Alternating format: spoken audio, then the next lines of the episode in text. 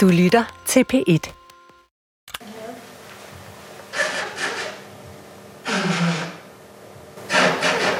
Skal du klare sig? Det kan sgu ikke. Ja, skal du nok klare sig dagen. Ja. Klarer du ham? Jeg sidder og kigger på mig selv.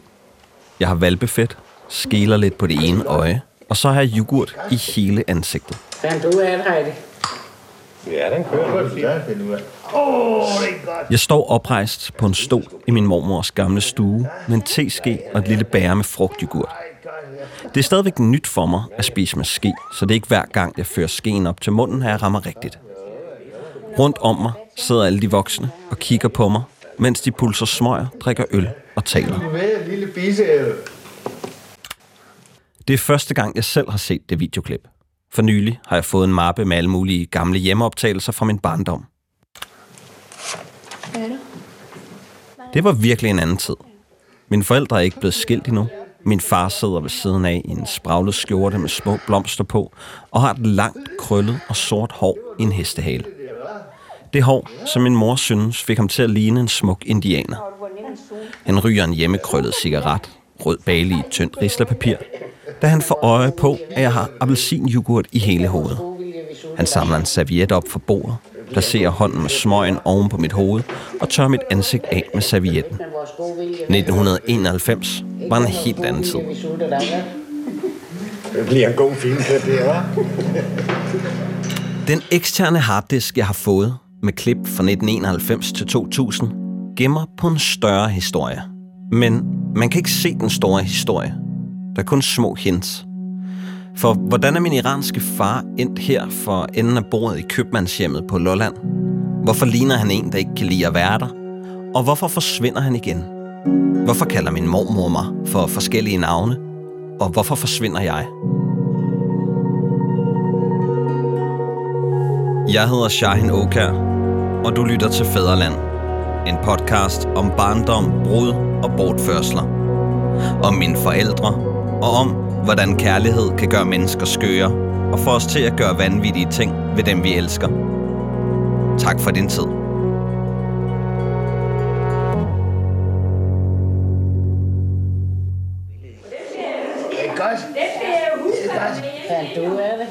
Det var en ting i starten af 90'erne at købe et stort, klodset VHS-videokamera med bånd i, så man kunne filme familiebegivenheder og højtider med. Men det var kun de hyggelige stunder, som blev optaget og foreviget. Alle hullerne, alt det dunkle, må man selv fylde ud. Skeletterne i skabet er ikke med på optagelserne. Det er med vej og det hele. Ja, vi kan se, er. Der er en håndfuld historier om de drengestreger, jeg lavede som helt lille, som jeg ofte bliver fortalt lidt nostalgisk om på min mors side af familien. Hvordan jeg kaldte champignon for svampignon. Hvordan jeg var med min morfar ude at fiske på kutteren og legede, at jeg røg pibe med ham, når vi kom ind på land igen. De historier har jeg hørt igen og igen. Og så er der den om, hvordan jeg til min oldeforældres skuldbryllup havde puttet jord i alle kaffekopperne, lige før tiden var inde til kaffe og kage. Den fest er et af de tidligste øjeblikke på de optagelser, jeg har fået. Yeah.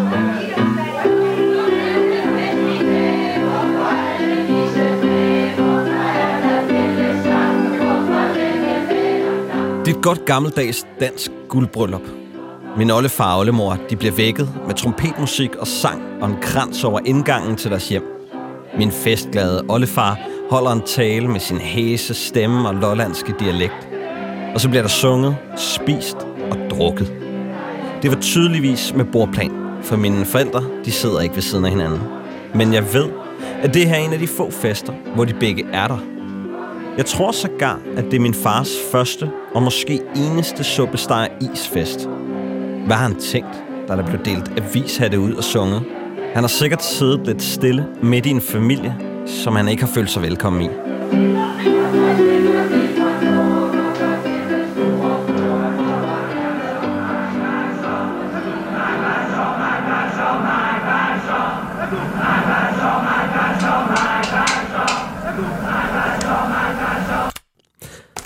Foran mig ligger en stak billeder, kærestebrev, børnetegninger, fodboldkort og dagbøger. Jeg har let familiens gemmer igennem for at finde ting, der kan dække nogle af hullerne i min historie. Her ligger også det første foto af min far, som er taget i Danmark.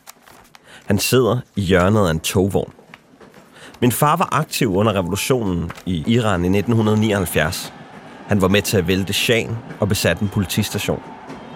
Men han var socialist, så da islamisterne stod med magten efter revolutionen, var han ikke længere sikker i Teheran. Han flygtede gennem de kurdiske bjerge, kom til Tyrkiet, hvor han arbejdede for at tjene penge, så han kunne komme længere nordpå. Han ville egentlig have været i Belgien, fordi det lyder godt på persisk. Belgik.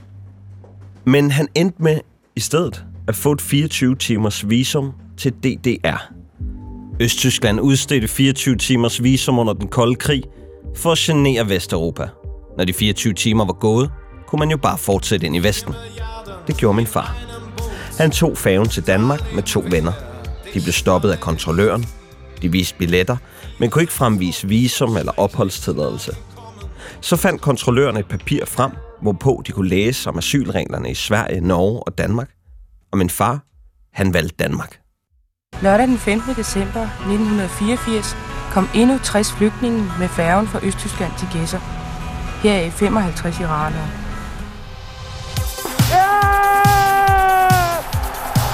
Utrolig fremmelgær. Jamen, simpelthen er der fantastisk. Og så skal vi have knæene helt op til halen. Kom så! 1, 2, Bilsalget herhjemme i 1984 er stiget voldsomt. Staten får derfor 2 milliarder kroner mere ind end ventet. Seks krydser, fem totaller og to et-taller fordelt på den rigtige måde har i dag givet en enkelt tipper Danmarks rekorden i tipsgevinster. Endelig havde de fundet den frihed, som de var flygtet ud af Iran for at finde. Gud bevarer Danmark. Billedet, jeg sidder med, er taget i toget på vej til København. Året er 1984. Han har en blå jakke på, sorte bukser og en hvid t-shirt. Hans hår er tidstypisk, lidt Jerry Seinfeld-agtigt. Kort på toppen, en anelse længere i nakken. Væggene i toget er beskidte og sædet er slidt, men min far smiler. Et lidt forsigtigt smil, men en ungdomsgenist i øjet. Et nyt liv kunne begynde. Jeg ved ikke, hvor gammel han er på billedet. Han ved ikke selv, hvor gammel han er. Men på det foto, der ligger foran mig, er han en ung og køn fyr. Jeg kan godt forstå, at min mor lagde mærke til ham. Første gang min mor ser min far, er Seinfeld-håret blevet til en lang og tyk hestehale. Hun er til konfirmation. Hun er selv blevet konfirmeret tidligere samme sommer. Hun er teenager, hun er tvær, og hun er træt af ikke at passe ind. Hun føler sig som familiens sorte får, og har skændtes med sin mor hele dagen i bilen fra Lolland, da de ankommer til festlokalet i Ålskov i Nordsjælland. Med armen over kors kigger hun ud af panoramaruderne ud over Øresund. Hun kan se havet og en mand på en badebro. Ham der skal jeg udtale med. Det øjeblik ændrer min mors liv, og det skabte mit liv. De falder i snak nede på badebroen. Jeg ved ikke, hvad de taler om. Ingen af dem kan huske det. Men jeg vil gerne have været en tangloppe på væggen. Min far kunne ikke rigtig tale dansk, men lidt gebrokkent engelsk. Min mor kunne ikke rigtig tale engelsk. Men snakken bliver til en slendretur ned ad stranden og tilbage mod festen. Men min mors familie råder sig ikke om synet af de to unge mennesker. Det er ikke min kommende far, de ser gå ved siden af min mor. De ser en mørkglødet, en fremmedarbejder, en perker. De ser et lille stykke Danmark, der er i forandring. Danmark for danskerne! Udlændinge ud!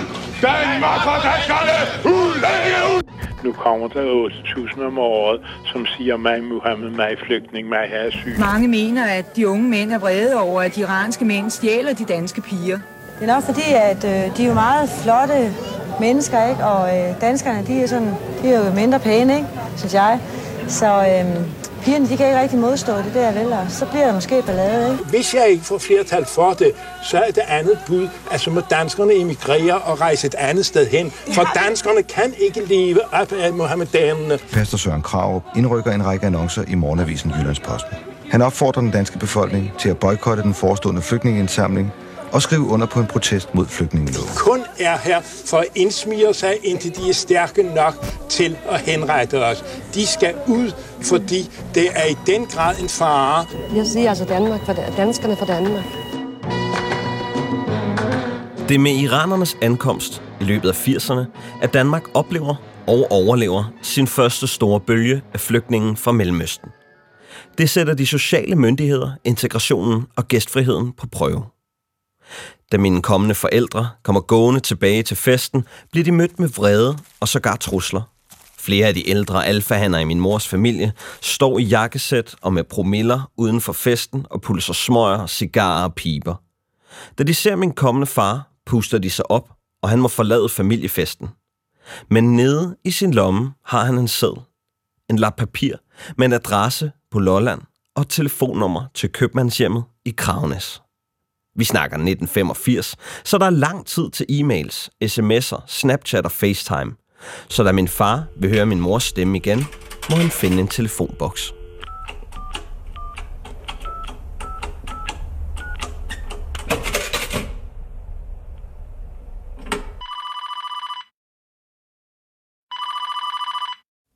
Hallo? Hallo? Min mormor og hendes mand synes, at min mor er for ung. Men forelskelsen vokser trods omverdens modstand. Min far bliver ved med at ringe, men han får fat i min mormor i stedet. Så begynder han at sende breve. Han får hjælp til at skrive dem, for hans dansk er stadigvæk gebrokkent og usikkert. Kære hele, jeg savner dig. Jeg håber, vi ses. De breve konfiskerer min mormor, så min mor hun giver min far en anden adresse. Hendes klassekammerat Sasha melder sig som mellemled. Brevudvekslingen fortsætter, og min mors forældre ved ingenting. Men det er bare ikke nok for de forelskede unge. De arrangerer hemmelige stævnemøder. Min mor holder dagbog. En forelsket teenage piges dagbog er noget helt specielt og ømt. 17. januar 1986. Igen forbud. Jeg måtte ikke komme ned til Anders B., og jeg må ikke komme til Nakskov i fire måneder, fordi Jaffa er der, og det er jeg nødt til at acceptere lidt endnu. Men det vil jeg ikke blive ved med. Sasha og mig har lagt en plan, og jeg håber, det lykkes, selvom Anders B. ikke kan lide den. Men han kan ikke lide så meget, fordi han tror, jeg tager Sasha fra ham. Hejsa. Kære dagbog. Jeg fik krøllet hår i går. Jeg kan selv godt lide det, men jeg er vist den eneste. Jeg længes fantastisk efter Jaffa, og mit stjernetegn sagde, en ven, som har været borgertrejst eller ikke lader høre fra sig, forlanger pludselig, det giver ham meget af deres tid. Gør det, hvis du kan, for i det lange løb trænger de mere til hinanden, end de tror. Er det ikke bare helt utroligt, at de kan ramme så meget rigtigt? Små kys til den store verden. 3. marts 1986. Min fortrolige. Det har både været en dag med sorg og glæde. Glæde, fordi mig og Sasha fik en fortrolig snak. Sorg, fordi jeg sammen med Sasha, Øjvind og Anders kom ind på kontoret på grund af, at vi har pjekket fra gymnastik. Men også sorg, fordi jeg første gang i mit liv blev så gal som i dag. Jeg råbte Erik lige op i ansigtet, fordi han sagde, at Jaffa skulle tage hjem og bare skydes. Jeg skreg ham op i hovedet, at det skulle ske for ham selv. Jeg håber, mine forældre fik noget at tænke over. En dag, jeg selv vil glemme. 23. april 1986. Min allerkæreste bog. Jeg skal op og tage solarium i morgen alene. Jeg lever kun på håbet om snart at se Jaffa, og jeg ser ikke frem til så meget andet end hans breve, og når jeg taler med ham i telefon. Kærlighed for os to, Jaffa, min elskede ven. Min mors forældre synes, at hun bliver for uregerlig. Så efter at have prøvet stuerest på stuerest, først i nogle dage og så i flere uger, giver de op. Min mor bliver sendt på børnehjem. Men der skal mere til at stoppe mine kommende forældre. De køber togbilletter, og så stiger de på toget mod København. De skifter tøj, så de ikke er lette at genkende, hvis de bliver efterlyst. Og de sidder ikke ved siden af hinanden. Og tro det eller ej, det lykkes. Da min mors forældre ikke efterlyser hende, løber sagen bare ud i sandet. Min mor starter på HF. De flytter ind på et kollegie på Amager, og en måneds tid efter min mors 18-års fødselsdag, står de begge to inde i telefonboksen på kollegiegangen. De ringer op til min mors læge. Den er god nok. Hun er gravid.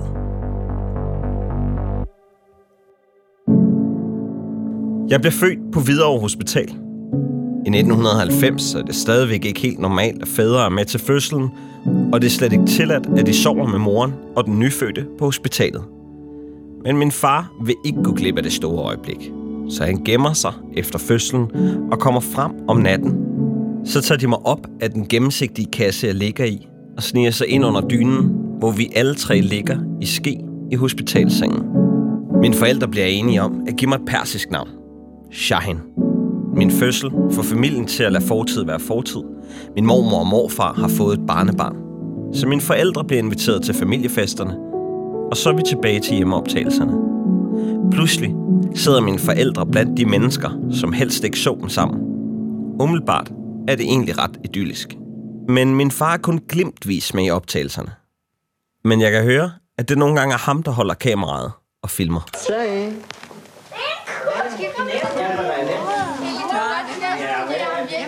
Men så sker der noget. I flere måneder er der ingen optagelser. Der går længere og længere imellem optagelserne. Og for hver ny optagelse er der noget, som har ændret sig.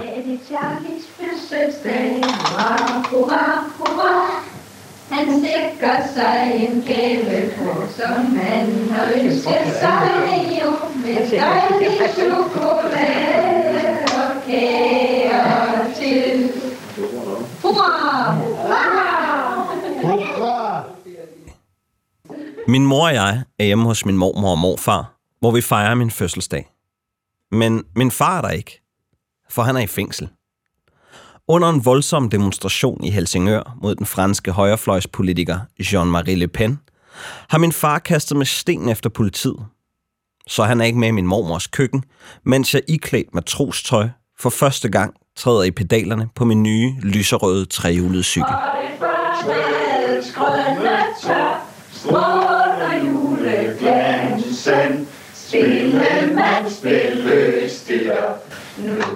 Da det bliver jul igen, holder jeg en anden mand i hånden. Min mors nye kæreste. Mine forældre er gået fra hinanden, og nu har de hver især fundet en ny eneste ene. Guldtæppet og sættekassen med nips på væggen afslører, at den lejlighed, min mor og far boede i sammen, nu bare er min mors lejlighed. Det er her, hun har inviteret sin familie til jul. Og det er her, at min mors nye kæreste ryger smøger, mens han hjælper mig med at pakke gaver op. Man siger, at tiden healer alle sorg, men her er det måske omvendt. Da mine forældre først går fra hinanden, foregår det med en vis forståelse. De skiftes til mig, men med tiden bliver de begge mere og mere griske, og det bliver en kamp om at være mest sammen med mig.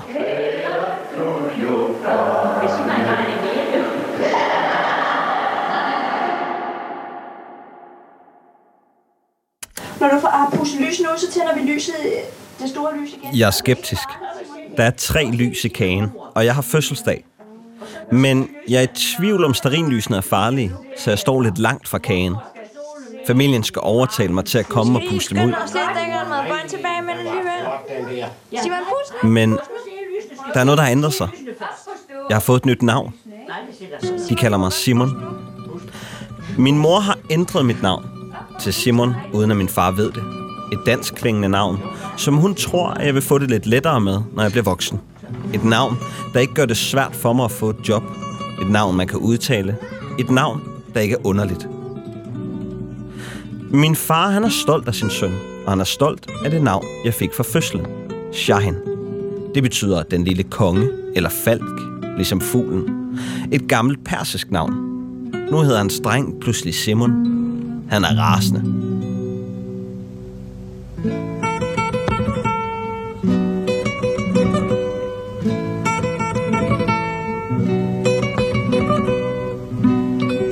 چشم من بیا منو یاری بکن.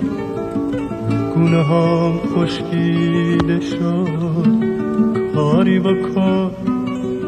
غیر گریه مگه کاری میشه کرد؟ کاری از ما نمیاد داری بکن.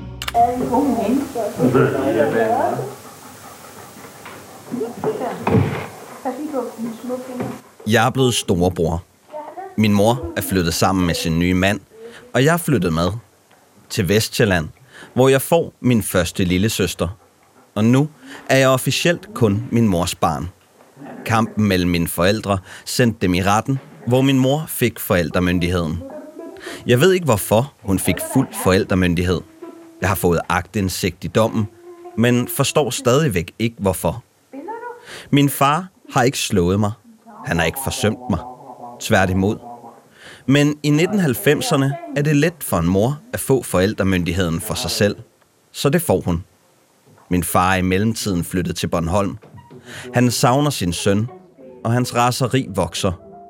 Nu er han blevet hævngærig. Endnu en familiefest. Min mors side af familien er samlet. De drikker, de spiser, og snakken går. Der bliver filmet lidt rundt på folk til festen. Og af og til er det min mor og hendes mand, der er i billedet. De sidder og stiger lidt tomt ud i rummet, mens alle andre hygger sig. De bider negle og siger ingenting. De smiler ikke engang. Min lille søster sidder ved deres side i en højstol. Men de mangler noget. De mangler mig.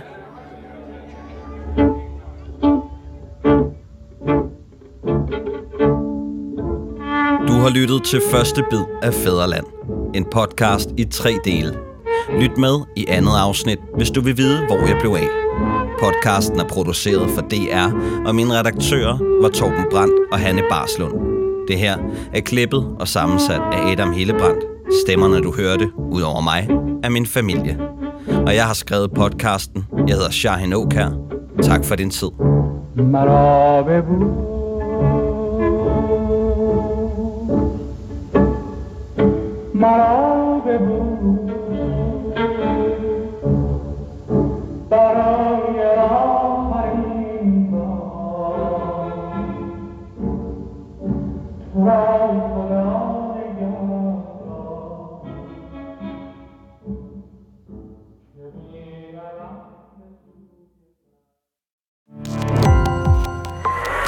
Opdagelse i alle DR's podcast og radioprogrammer. I appen DR Lyd.